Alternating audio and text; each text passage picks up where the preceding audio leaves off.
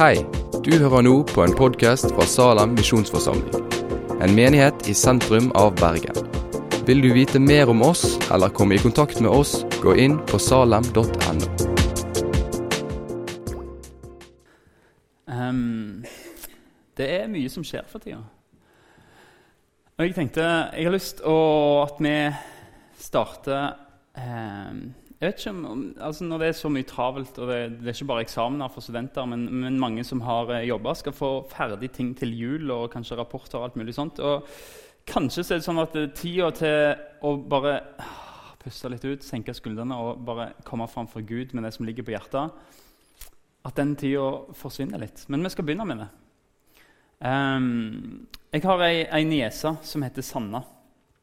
Uh, hun, uh, I barnehagen så lagde de uh, kyr av kongler. De satt fyrstikker på ei kongle, og så ble det, ble det ku. Um, ikke levende ku, men, men så satt hun ute en gang og fant, fant kongler. Og Så kom mora bort og faren bort, og så sa mora Nei, men Sanna, fant du kyr? Og så sier broren min, faren hennes, Nei, Sanna, sant, det heter ikke Nei, hun spurte finner du kuer. Så sa broren nei, Sanna, sant, det heter ikke kuer, det heter kyr. Og så så hun forvirra opp på mamma og pappa så sa hun, det er kongler. og det er egentlig noe vanvittig herlig med, med, barn som sier ting som det er. kall en spade for en spade. Ikke redd for å for å si noe feil, eller noe sånt, men, men sier dette, dette erfarer jeg, så sier de det rett ut. Sånn så, Vi hadde med oss en kar her i går på to år som, som når festen var liksom på det beste, så kom han til pappa og sa 'Jeg vil sove'. Men det er noe med barn som gjør at de, de sier ting rett ut. Og den retten har vi foran Gud. Den er når, når, når ting er egentlig ikke Altså Alle andre kaller det noe annet. Alle andre sier 'wow, livet er så bra'. Eller 'jeg har tid til å lese i Bibelen'. Alt funker. Og så sitter du og erfarer sånn, Nei, dette er kongla. Men vi tar, vi tar noen minutter nå. Altså Først vil jeg at du bare roer deg, lukk øynene, og så bare kom fram for Gud. Og kall det som du har i hjertet ditt. Bare kall det for det det er. Om det er glede, om det er sorg, om du har det travelt, om du skulle ønske du hadde mer å gjøre på. Uansett hva det er for noe. Bare senk skuldrene og roe med oss litt, og så fortsetter jeg med en bønn her etterpå. Så ber vi litt for oss for fellesskapet, men så kommer vi fram for Gud med det som er på vårt hjerte nå ei lita stund, så roer vi oss litt. Kanskje erfarer du at det er vanskelig å sette ord på ting foran Gud. Jeg har lyst til å dele det som, som David eh, leste på bønnemøte. Vi har bønnemøte her hver lørdag klokka sju, som alle er hjertelig velkommen på. Han leste fra Romerbrevet 8, kapittel, vers 26. På samme måte kommer også Ånden oss til hjelp i vår svakhet. For vi, vi vet ikke hva vi skal be om for å få be rett, men Ånden selv går i forbønn for oss, med sukk uten ord. Og han som gransker hjertene, vet hva Ånden vil, for Ånden ber for de hellige etter Guds vilje. Du har en som ber for deg, òg når du ikke får tid. Herre Far, hellig, hellig og hellig er du. Jorden er full av din herlighet, står det i Bibelen. Herre Far, jeg ber om at du gjør oss verdige til det kallet vi har fått, til å følge deg. Fyll oss med all vilje til det gode, og med en tro som med kraft viser seg i gode gjerninger. Jesus, jeg ber om at uh, du rekker din hånd utover fellesskapet her, sånn at uh, det blir skapt tro og tillit, at det skjer under, at det kan skje bønnesvar og tegn i ditt navn. Fyll oss, Jesus, med din fylde. La ditt rike komme her i kveld. Vi ber om at du gir oss en ånd som gir visdom og åpenbaring, sånn at vi lærer deg bedre å kjenne. Må du gi lys til vår hjertets øyne, sånn at vi får innsikt i det håp du har kalt oss til, og hvor rik din arv er for oss som tror. Lær oss hvor overveldende din kraft som bor i oss, er, Jesus. Så ber vi for alle eksamener, alle timer på lesesalen som skal gjøres før, før ferie. Vi ber for de som har det travelt på jobb. Vi ber Jesus for de av oss som gruer seg til jul. Og de av oss som ikke kan få jul tidlig nok. Jesus, vi ber om din fred i alt. Takk for at du møter oss uansett. At vi skal få være barn og få, få være ærlige med hvordan livet er med deg, Jesus. Så ber jeg om at du møter oss i kveld i ditt ord. Tal til oss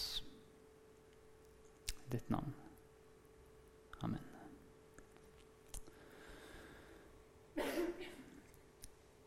Noen av dere eh, forventer kanskje en juletale siden det nærmer seg jul. Og eh, det blir det neste lørdag. Da skal vi ha julemøte.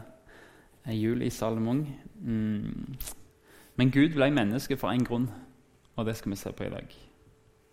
Vi har en sånn taleserie som heter Speilbilder, der vi ser hva Jesus gjorde og sa, hva det betyr for troen vår, og hvordan det skal påvirke vår tro.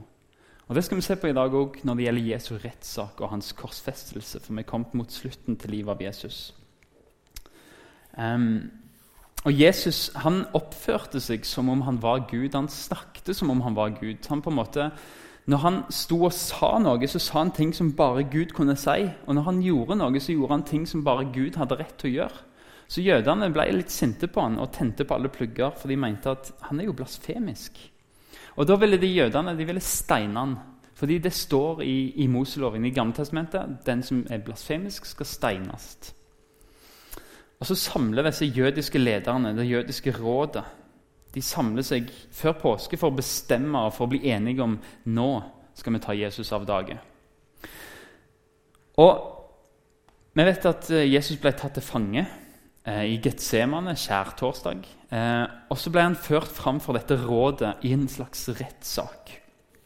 Der de faktisk prøver jødene å finne falske vitneutsagn mot Jesus. Ikke bare ett, men mange falske vitneutsagn mot Jesus. Men allikevel så greier de ikke å få de vitnesbyrdene til å stemme overens. Selv om de rigger eh, rettssaken for å få Jesus dømt, så greier de det ikke. Det går ikke opp. For de innser liksom at wow, her er det en som, her er det en som ikke greier å felle, selv om vi prøver med falske vitnesbyrd. Men for å få en konklusjon på saken så går ypperste presten, så treier han fram og så spør han Jesus direkte er du Messias, Guds sønn. Her kunne Jesus unnsluppe alt sammen med å si nei. De hadde åpna døra og sagt greit, gå, forsvinn, vi vil ikke se deg mer. Men hvis Jesus hadde sagt ja, eller hvis han sier ja, så er det som å signere sin egen dødsstraff. For de tolker det som blasfemi og Der er det fascinerende at Jesus er aldri i tvil. Han vet hva Guds vilje er, han vet hvem han er. Og så sier han ja. Jeg er Guds sønn. Og det var det de trengte. Og så, de, så dømmer de han til døden for Guds bespottelse, for blasfemi. Det var bare ett problem de hadde. Dette rådet det hadde ikke makt til å dømme noen til døden. For Israel var okkupert av romerne. Og de hadde ikke lov til å dømme noen til døden, så de måtte føre Jesus til Pontius Pilatus. Han som var romernes big man i byen. Men ett problem det var at Pontius Pilatus kom til å bare, han brydde seg ikke. Hvis det var en blasfemiker, så so what, jeg bryr meg ikke, gjør et eller annet mer. liksom. Men jødene de begynte å falske anklager mot Jesus for å få Pilatus til å dømme han. De sa at Jesus var en revolusjonær oppvigler som, som hevda å være konge, som lærte folk at du trenger ikke betale skatt til keiseren. Ingenting av det hadde Jesus sagt.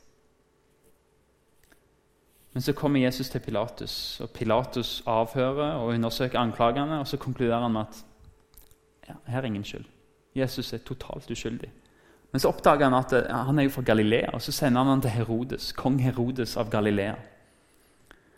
Og Galilea, nei, Hos Herodes så svarer Jesus ingenting. Men de prøver å liksom herse med han og, og, og, og spotte han. Ingenting. Og de finner at han har ingenting på denne mannen her. Det går faktisk en legende som sier liksom at de prøvde å finne vitnesbyrd på Jesus, og de fant noen. Det var en som sa 'Jeg var blind, han helbreda meg, nå ser jeg'. 'Jeg var lam, nå kan jeg gå'.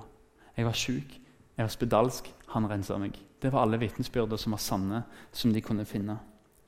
Og Herodes får ikke noe svar ut av Jesus, og så sender han ham tilbake til Pilatus med beskjeden om at jeg finner ingen feil her. Han er uskyldig. Og Pilatus han er, altså han er, kjent for å være totalt kompromissløs. Han slakta ned landsbyer hvis han fant det for godt. Han var totalt kompromissløs og voldsom av seg. Men det er rart hvordan han reagerer i møte med Jesus. Hele tre ganger så understreker Pilatus Tre ganger i det samme evangeliet så understreker Pilatus Jesus er jo uskyldig i alle anklager. Jeg kan ikke se at han er skyldig i noe av det dere anklager ham for. Det kan heller ikke Herodes. Altså har han ikke gjort noe som fortjener dødsstraff. Det er Pontius Pilatus' sin konklusjon. Og så er det ingen som motsier han heller, fordi alle vet at han har jo rett. Det blir ingen diskusjon. Når han sier det er sånn, så, så, ja, så begynner de å si, begynner å krangle på andre ting. Ja, men hvis ikke du korsfester han, så går vi til keiseren og får deg til å bli uvenn med han. Og de presser han. Hele fire ganger så prøver Pilatus på en eller annen måte å løslate Jesus. Fire ganger prøver han liksom, hvordan kan jeg få han her til å gå fri. Han er uskyldig. Men jødene har et sånt politisk pressmiddel på han, og så presser de han opp mot keiseren. Men Pilatus vet at Jesus er uskyldig, så han vasker hendene sine foran alt folket. Og så sier han, 'Jeg er uskyldig i denne mannens blod'. Og så sier folk, 'Alle hans blod komme over oss og våre barn'. Og de skulle bare visst. Men yes, til slutt så sier Pilatus greit, korsfest han, etter at folket har stått og ropt 'korsfest'.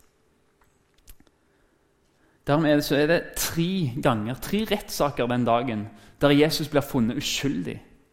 Tre ganger, altså Rådet, Herodes og Pilatus, de mektigste på den tida. De som hadde rettssakene. Uskyldig, uskyldig, uskyldig. Ok, Jødene mente at han var blasfemiker. Og Det dømte de ham for. Og det er bare sant hvis, hvis Jesus ikke er Gud. For hvis Jesus ikke er Gud, så var han en blasfemiker av rang. Men hvis Jesus er Gud, så tok jødene feil. Og Der står egentlig ditt valg òg. Er Jesus en blasfemiker, eller er han Gud? Det er ikke rom for noe annet.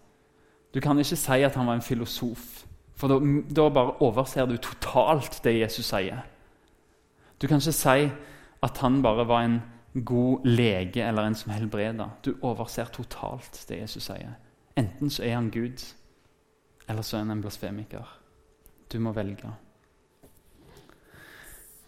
De fant en uskyldig mann som de allikevel dømte til døden. Ingen kunne finne noe på han, men det var én som fant en grunn til å dømme Jesus. Det var én som sørga for at han ble henretta. Og som ikke bare sørga for det, men som gleda seg over at Jesus ble henretta. En som fant behag i det. Det var Gud. Han fant behag i å knuse Jesus. Og Du kan tenke at det er bestialsk av Gud som er far, å dømme sønnen til døden på den måten. Å sende han i døden og lede tingene på en sånn måte som det faktisk skjer. Men Gud gjør det av én grunn. Det er at han vil ha flere sønner og flere døtre. Han vil frelse mennesker. Helt siden syndefallet av så var planen alltid at Gud skulle bære straffen for vår synd. For menneskehetens synd og skam og skyld. Derfor valgte Gud å bli menneske. Et, et hjelpeløst lite barn. Han valgte å bli sårbar sånn at han kunne bli knust. For å kunne ta dommen på seg sjøl. Og uten jul uten at Jesus, uten at Gud blir skjød, så er faktisk det umulig. Så ville ikke frelsen vært mulig. Hvis jeg tar mobilen til Martin Ivar og mose den i bakken og knuse den, så kan Martin Ivar velge å si ok, Kristian, jeg tilgir deg, men du er nødt til å betale for denne mobilen. her. Det er ikke tilgivelse. Vet du, Tilgivelse det er å si Kristian, jeg tilgir deg. Og at denne mobilen, bare, bare glem det. Jeg skal, jeg skal, ta den kostnaden. Ikke tenk på det. Men det er ute av verden. Det er tilgivelse. Og det er det Gud gjør. Den synden du gjorde, jeg tilgir det. Ikke tenk på konsekvensen fordi jeg tar deg. Jeg skal ta dem. Det er det Jesus gjør. Han tilgir. Og det koster han så utrolig mye. Og så er det tydelig at det er Gud som sørger for at Jesus blir dømt. Dette skjer i tidens fylde, sier Paulus, når tida er perfekt for å gjennomføre planen. Og Selv om Pilatus prøver å unngå å henrette Jesus, så sier Jesus til ham, du, Pilatus, du kan ikke gjøre noen ting med mindre Gud godtar det. Det er han som spiller dette spillet her. Dette er Guds plan. Dette er den planen han har hatt helt fra begynnelsen, og nå begynner han seg. Påsken er Gud som fører dom over menneskehetens synder gjennom å straffe Jesus, han som lider for oss. Og hvordan lider han? La dette tale rett inn til hjertet ditt. La dette få male en korsfesta Jesus for deg. For Jesus lei sosialt. Han ble svikta av alle sine venner. Når han trengte det mest, så sovna de. Og de forsvant som dugg for solen når han kom til å bli arrestert. Peter, den beste vennen, banna på at han ikke kjente Jesus. Jesus leid sosialt. Han leid emosjonelt. Når nattverdsmåltidet var ferdig, så gikk Jesus og disiplene mot Getsemane, en sånn hage som ligger foten av Oljeberget. Og For å gå dit så må han ut en port som ligger ved sida av tempelet, ned og over en bekk. Og Så kommer du inn i hagen. Og der må Jesus ha sett noe, fordi det var påske. Å gå forbi tempelet så må Jesus ha sett alle påskelammer som var slakta. Og blodet til lamma som var helt over alteret som et offer. Og vi tenker kanskje av og til at ja, kanskje var det én eller to sauer som ble slakta. Vet du hva, År 60 etter Kristus så er det noen som har sett på det. Det ble slakta 256 000 lam hver påske. En kvart million lam ble slakta på høytida. Jesus må ha lukta det blodet. Jesus har sett at det blodet renner. Jesus har sett når han vassa over bekken der, så rant den bekken rød av blodet fra alle de lamma. Og Jesus må ha visst at nå Dette skjer med meg òg snart. Han hørte brekinga, han lukta blodet, og han så blodet flyte i elva. Og dette skapte en dødsangst i Jesus. Det står at han svetta blod. En diagnose som heter hematidrose, som, som skjer kun under et vanvittig press. Når du er i dødsangst. Der var Jesus. Ekstremt angst, ekstremt stress. Han leid emosjonelt. Men han leid fysisk. Han sto helt alene når det kom soldater for å ta ham. Jeg har sett for meg at det kanskje var 20-30 som kom for å ta Jesus. Men hvis du ser i teksten Det ordet de bruker, det er et ord som blir brukt om hundrevis. Det er ikke bare 20-30. Det er hundrevis av folk som kom for å ta Jesus. De kom med sverd, de kom med stokker. Og så står det de la hånd på han. Og det ordet 'å legge hånd på' det kan oversettes å slå og brekke og kaste om bølger som slår mot båten om å ta noen i voldelig varetekt. De kom for å ta han som en røver, og beskjeden de hadde fått, den var før Jesus bort med sikker vakt. Han ble tatt som en røver. Og Seinere leser vi at han ble spytta i ansiktet, han ble slått med knyttnever. Og så ble han piska og håna gjennom hele natta Helt til rådet fikk samla seg tidlig på morgenen. Og så sto Jesus der foran dem. Han var ikke til å kjenne igjen. Jeg tror han var hoven og blodig når han sto foran jødene. Etter rettssaken hos Pilatus, mens korset til Jesus gjøres i stand, så samler hele den romerske vaktstyrken seg, de som er i Jerusalem. Og det er snakk om hundrevis der òg. De fikk gjøre med Jesus sånn som de ville, mens korset hans ble gjort klart. Så var det tradisjon at soldatene kunne få gjøre som de ville med han. Rastløse menn. Har dere sett bilder av soldater fra USA som tok afghanske fanger? Og det lakk ut bilder som var helt vanvittige. Det var rastløse unge menn som var soldater, som, som bare fyrte opp hverandre. og Så ble resultatet voldelig. Men det her var mange flere. Det var hundrevis av soldater.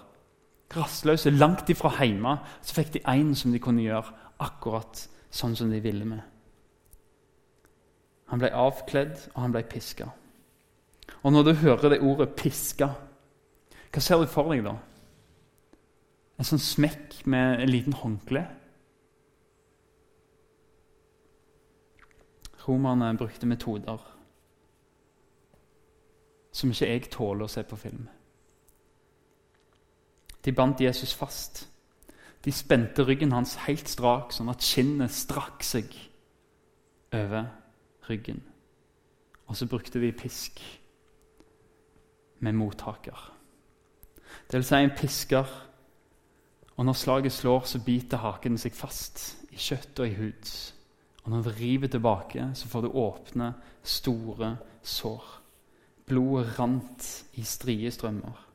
Mange døde mens de ble piska på den måten, sier historikerne. Og de aller, aller fleste besvimte før det var ferdig. Og Så kledde de Jesus opp med en rød kappe og satte en tornekrone på hodet. Og ikke snakk om rosetorner.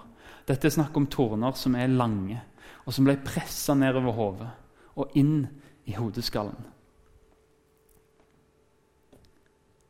De har skjært seg djupt inn. Og så spytter de på han.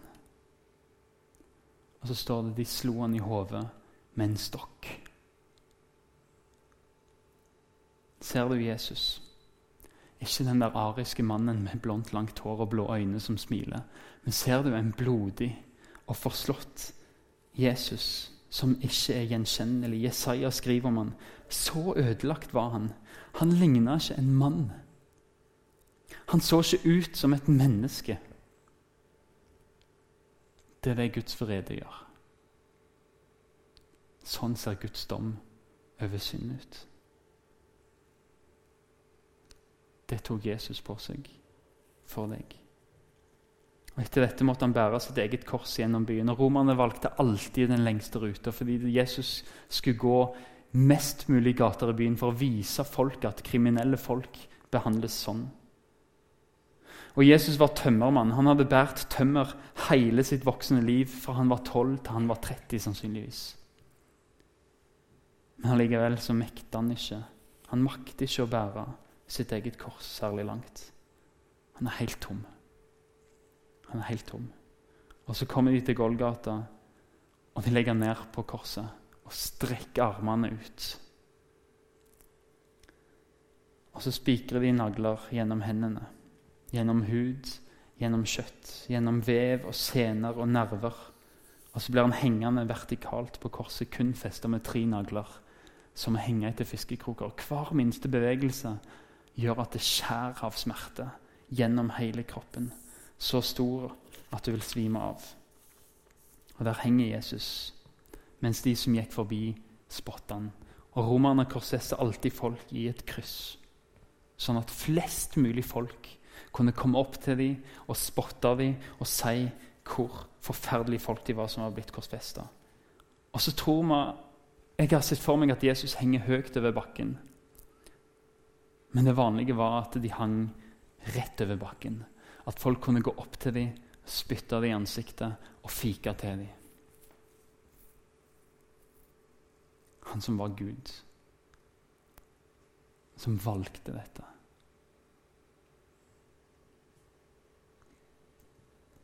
Den romerske filosofen Cicero han beskriver korsfestelsen som den verste form for tortur og henrettelse. Den var så ille at romerne sa at ingen romere skal bli korsfesta. Det er kun slaver.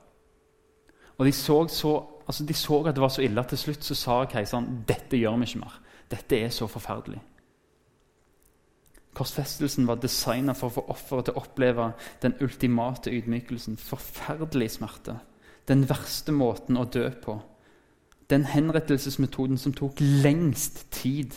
Flere timer og ofte dager hang de fysisk traumatiserte på korset. Og de døde av blodtap eller at de kveltes fordi de ikke greide å holde hodet lenger oppe. Indre organer ble kvelt. Det ble blodforgiftning, dehydrering, utmattelse og kollaps. Der hang Jesus uten en mulighet til å forsvare seg mot hån og mishandling, mot fluer som slår seg ned i åpne sår. Han ser ikke ut som et menneske engang, skriver Isaiah. Han er så blodig og så forslått. Jeg tror hvis du hadde kjent Jesus og gikk opp til korset og så, så jeg du sagt dette er ikke han. Jeg kjenner han ikke igjen.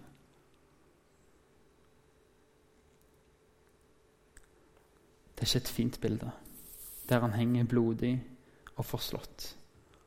Opphavna, opphovna i ansiktet helt strukket ut. Det er ikke et fint bilde.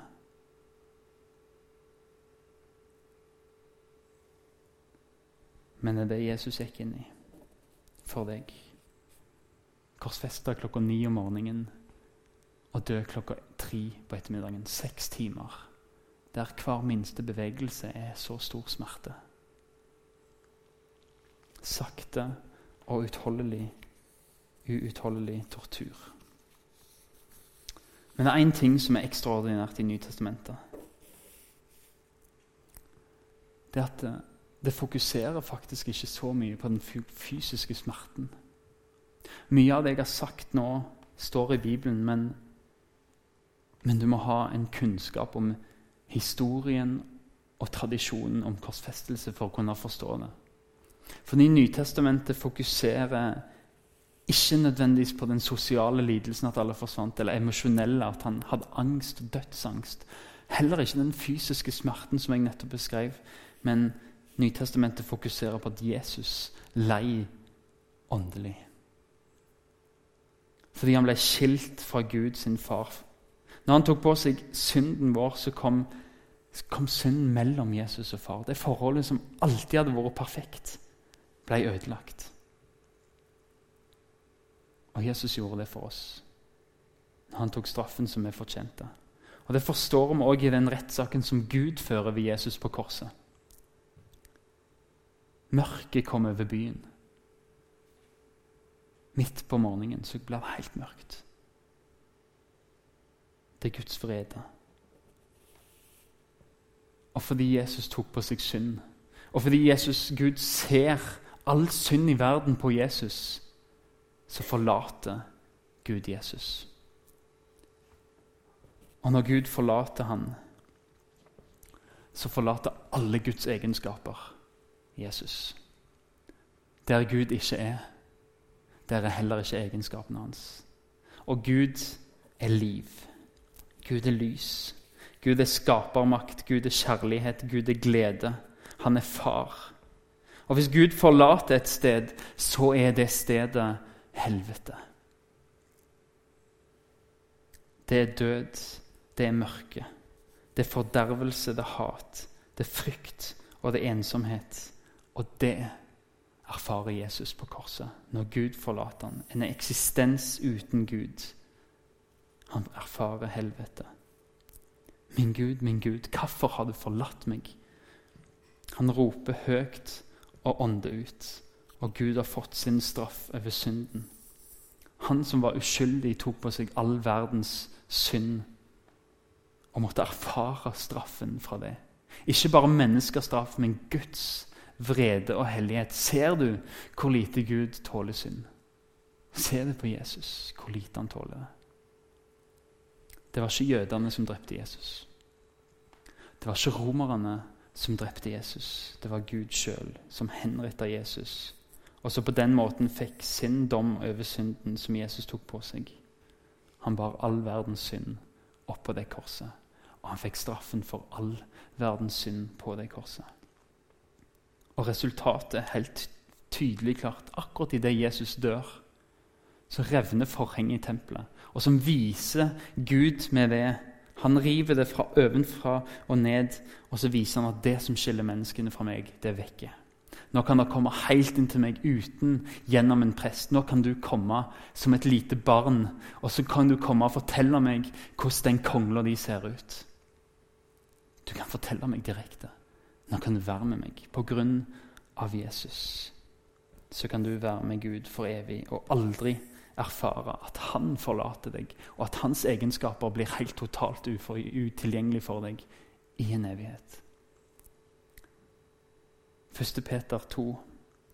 På sin egen kropp bar han våre synder opp på treet, så vi skulle dø bort fra syndene og leve for rettferdigheten. Ved hans sår blir dere helbredet. Så skal vi lese en tekst som oppsummerer veldig mye av det jeg har sagt. Dere kjenner den, noen av dere veldig godt. Den står i Jesaja 52 og 53. Se, min tjener skal ha framgang. Han skal opphøyes, løftes opp og bli svært høy. Slik mange ble forferdet over deg. Så ødelagt var han. Han lignet ikke en mann. Han så ikke ut som et menneske. Han skjøt opp som en spire for hans ansikt, som et rotskudd av tørr jord. Og der er juleevangeliet. Den teksten der er juleevangeliet. Han hadde ingen herlig skikkelse som vi kunne se på, ikke et utseende vi kunne glede oss over. Han var foraktet, forlatt av mennesker, en mann av sverte, kjent med sykdom, en de skjuler ansiktet for. Han var foraktet, vi regnet ham ikke for noe. Sannelig, våre sykdommer tok han på seg. Vår smerte bar han. Vi tenkte han er rammet, slått av Gud, plaget. Men han ble såret for våre lovbrudd, knust for våre synder. Straffen lå på han, og vi fikk fred. Ved hans sår ble vi helbredet. Vi gikk oss alle vill som sauer. Hver tok sin egen vei, men skylden som vi alle hadde, lot Herren ramme ham. Han ble mishandlet.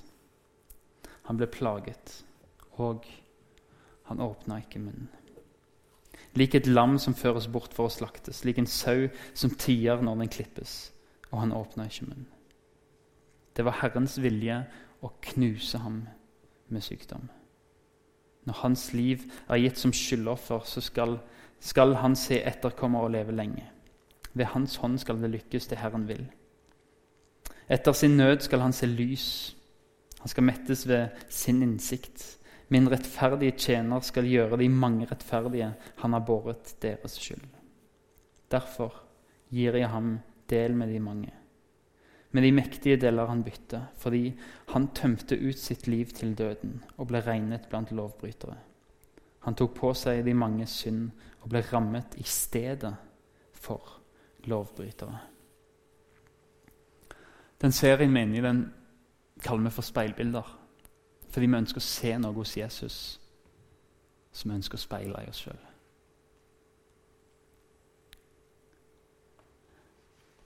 Hvordan kan vi speile oss i møte med den forferdelige historien om Jesus på korset? Skal vi prøve å bli korsfesta? Det er ikke det jeg vil fram til, men jeg, jeg vil fram til at du skal øve deg du som er kristen. Du skal øve deg på å leve i en sannhet. Og den sannheten er at alle som tror på Jesus, er korsfesta sammen med han. Romerne 6. Paulus skriver, hva skal vi da si? Skal vi fortsette å synde så nåden kan bli enda større? Slett ikke. Hvordan kan vi som døde bort fra synden, fremdeles leve igjen? Eller vet dere ikke at at alle vi som ble døpt til Kristus Jesus, ble døpt til hans død. Vi ble begrava med han da vi ble døpt med denne dåpen til døden. Og som Kristus ble reist opp fra de døde med sin fars herlighet, skal vi òg vandre i et nytt liv. Har vi vokst sammen med Kristus i en død som er lik hans, skal vi være ett i Han med oppstandelsen som er lik hans. Vi vet vi føler ikke. Vi vet at vårt gamle menneske ble korsfesta med han. for at den kroppen som er underlagt synden, skulle tilintetgjøres, og vi ikke lenger skulle være slaver under synden. For den som er død, er befridd fra synden. Er vi døde med Kristus, tror vi at vi òg skal leve med Han. Vi vet jo at når Kristus er oppreist fra de døde, så dør han ikke mer.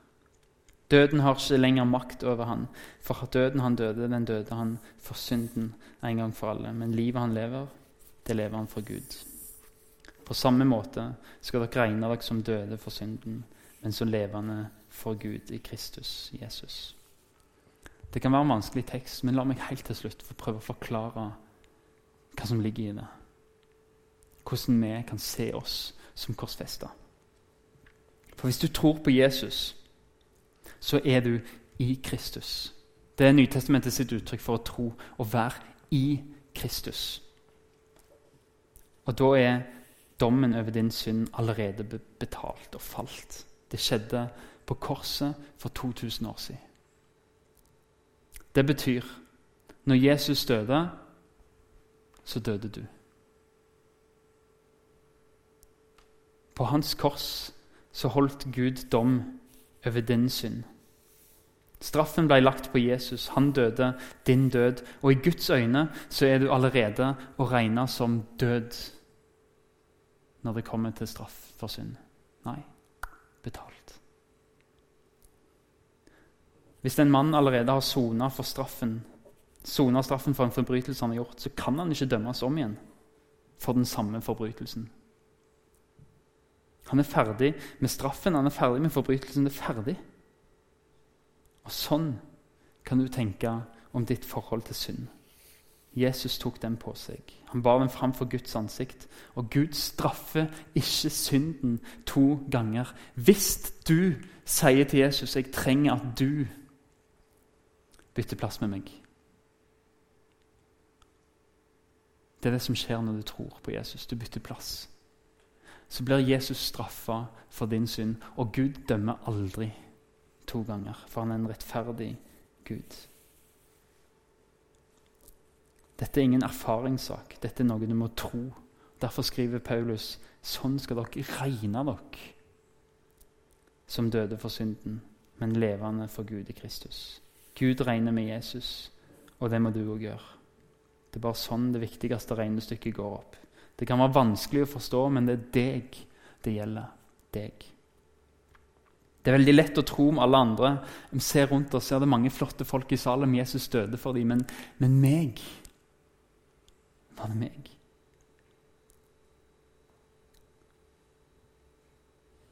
Alt han gikk gjennom av tortur og piskeslag. Det var deg. Hele tida. Det var deg han tenkte på.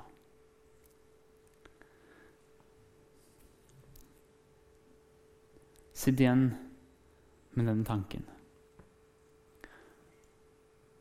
Hvis du var det eneste mennesket som eksisterte på jord Ingen andre. Hvis du var helt alene Jesus hadde fremdeles valgt den døden for å berge deg. På den stolen du sitter, med den historien du har, med den framtida du ser for deg, det individet du er. Jesus behandler aldri folkemengder. Han bare gir alltid særbehandling. Det var deg. Det er bare deg. Det er bare du aleine som kan ha med Jesus å gjøre. Du blir ikke kristen av å feire jul med familien. Du blir ikke kristen av å gå i Salem. Du blir kristen når du sier, 'Jesus, takk for at det var for meg'. Og når du innser at det er deg han kommer til, og at det er deg han rører med hjertet til Det er deg han viser synden og sier at 'dette døde jeg for'. Hvorfor bærer du på det? Hvorfor lar du ikke meg ta det? Når du erfarer det, når du erfarer at kristendommen handler om deg og Jesus, tar du grepet med. Så skal det få være din frimodighet når du kjenner på at du ikke er en god kristen. Du kan si til synden og til djevelen at du kan angripe meg så mye du vil. Du har helt sikkert rett om alt det tingene jeg har gjort galt. Du har bare ett problem. Ser du det korset? Når Jesus hang der, så hang jeg sammen med han. For deg, for synden, så er jeg død. Jeg lever for Gud. Og det er utfordringen Paulus gir oss i alle disse tekstene. Han skriver at vi er korsfesta sammen med han. Så sier han ja, så lev et nytt liv. Før ga vi lemmene våre vær så god til synden. Dere kan styre lemmene med føttene, hendene, ørene, øynene. Styr de. Så sier Paulus nå skal dere gi dem til Gud. For nå lever dere for Han. Det andre er dødt. Bær fram deres lemmer som en levende gudstjeneste for Jesus. Vi leser til slutt fra Romerne 4,25. Vi skal, vi skal bli regnet som rettferdige når vi tror på Ham som reiste Jesus, vår Herre, opp fra de døde.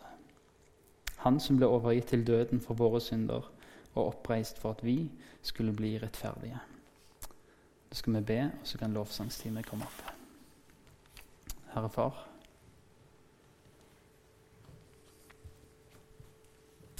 Jeg har synda mot deg i tanker, i ord og i gjerninger, med det jeg har gjort, og med det jeg har unnlatt å gjøre. Jeg syns de piskeslagene, det var for meg. Jeg syns den tornekrona, det var min skyld. Jesus, når de slo deg i hodet med en stokk Det var Gud som holdt dom over min synd. Jesus, når Gud forlot deg på korset, så var det fordi han egentlig skulle forlate meg i evighet. Takk for at du valgte å komme ned. Du valgte å bli menneske, du valgte å bli sårbar.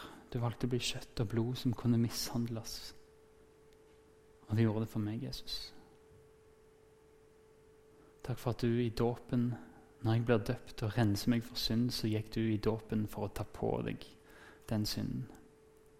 Og bære den opp på korset. Og gjeldsbrevet, alt jeg hadde gjort. Det som gikk imot meg, Jesus det tok du opp på korset, og så nagla du det fast sammen med deg. Takk, Jesus, for at det gjeldsbrevet ble hengende, men du sto opp igjen.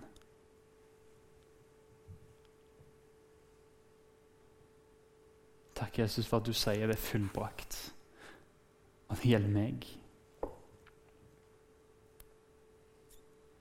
Du er seier, Herre Jesus. Du er seier, Herre. Og takk for at jeg får være din. At du kommer hjem fra krigsmarka, og så sier du det fullbrakt. Og så kommer du med seieren til ditt folk. Og så får vi være dine barn som tar imot den seieren du vant. Og alt det betyr Jesus. Fienden vår, synden og døden, har ingenting du skulle ha sagt. Hjelp oss å leve i den seieren.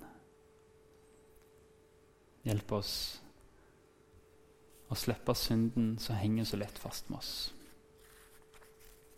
Feste blikket på deg som er troens opphavsmann og fullender. Og springe med utholdenhet i løpet, med blikket festa på deg, Jesus. På den kransen som aldri visner, aldri forgår, aldri ruster. Som du har gjort klar for oss i himmelen, Jesus. Ditt navn. Amen.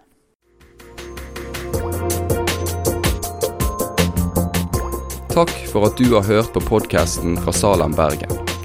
I Salem vil vi vokse i et stadig dypere fellesskap med Gud og med hverandre. Vi vil være Jesu hender og føtter, og vi vil være med og forkynne frelse for Bergen og resten av verden. Besøk oss gjerne på salam.no om du vil vite mer.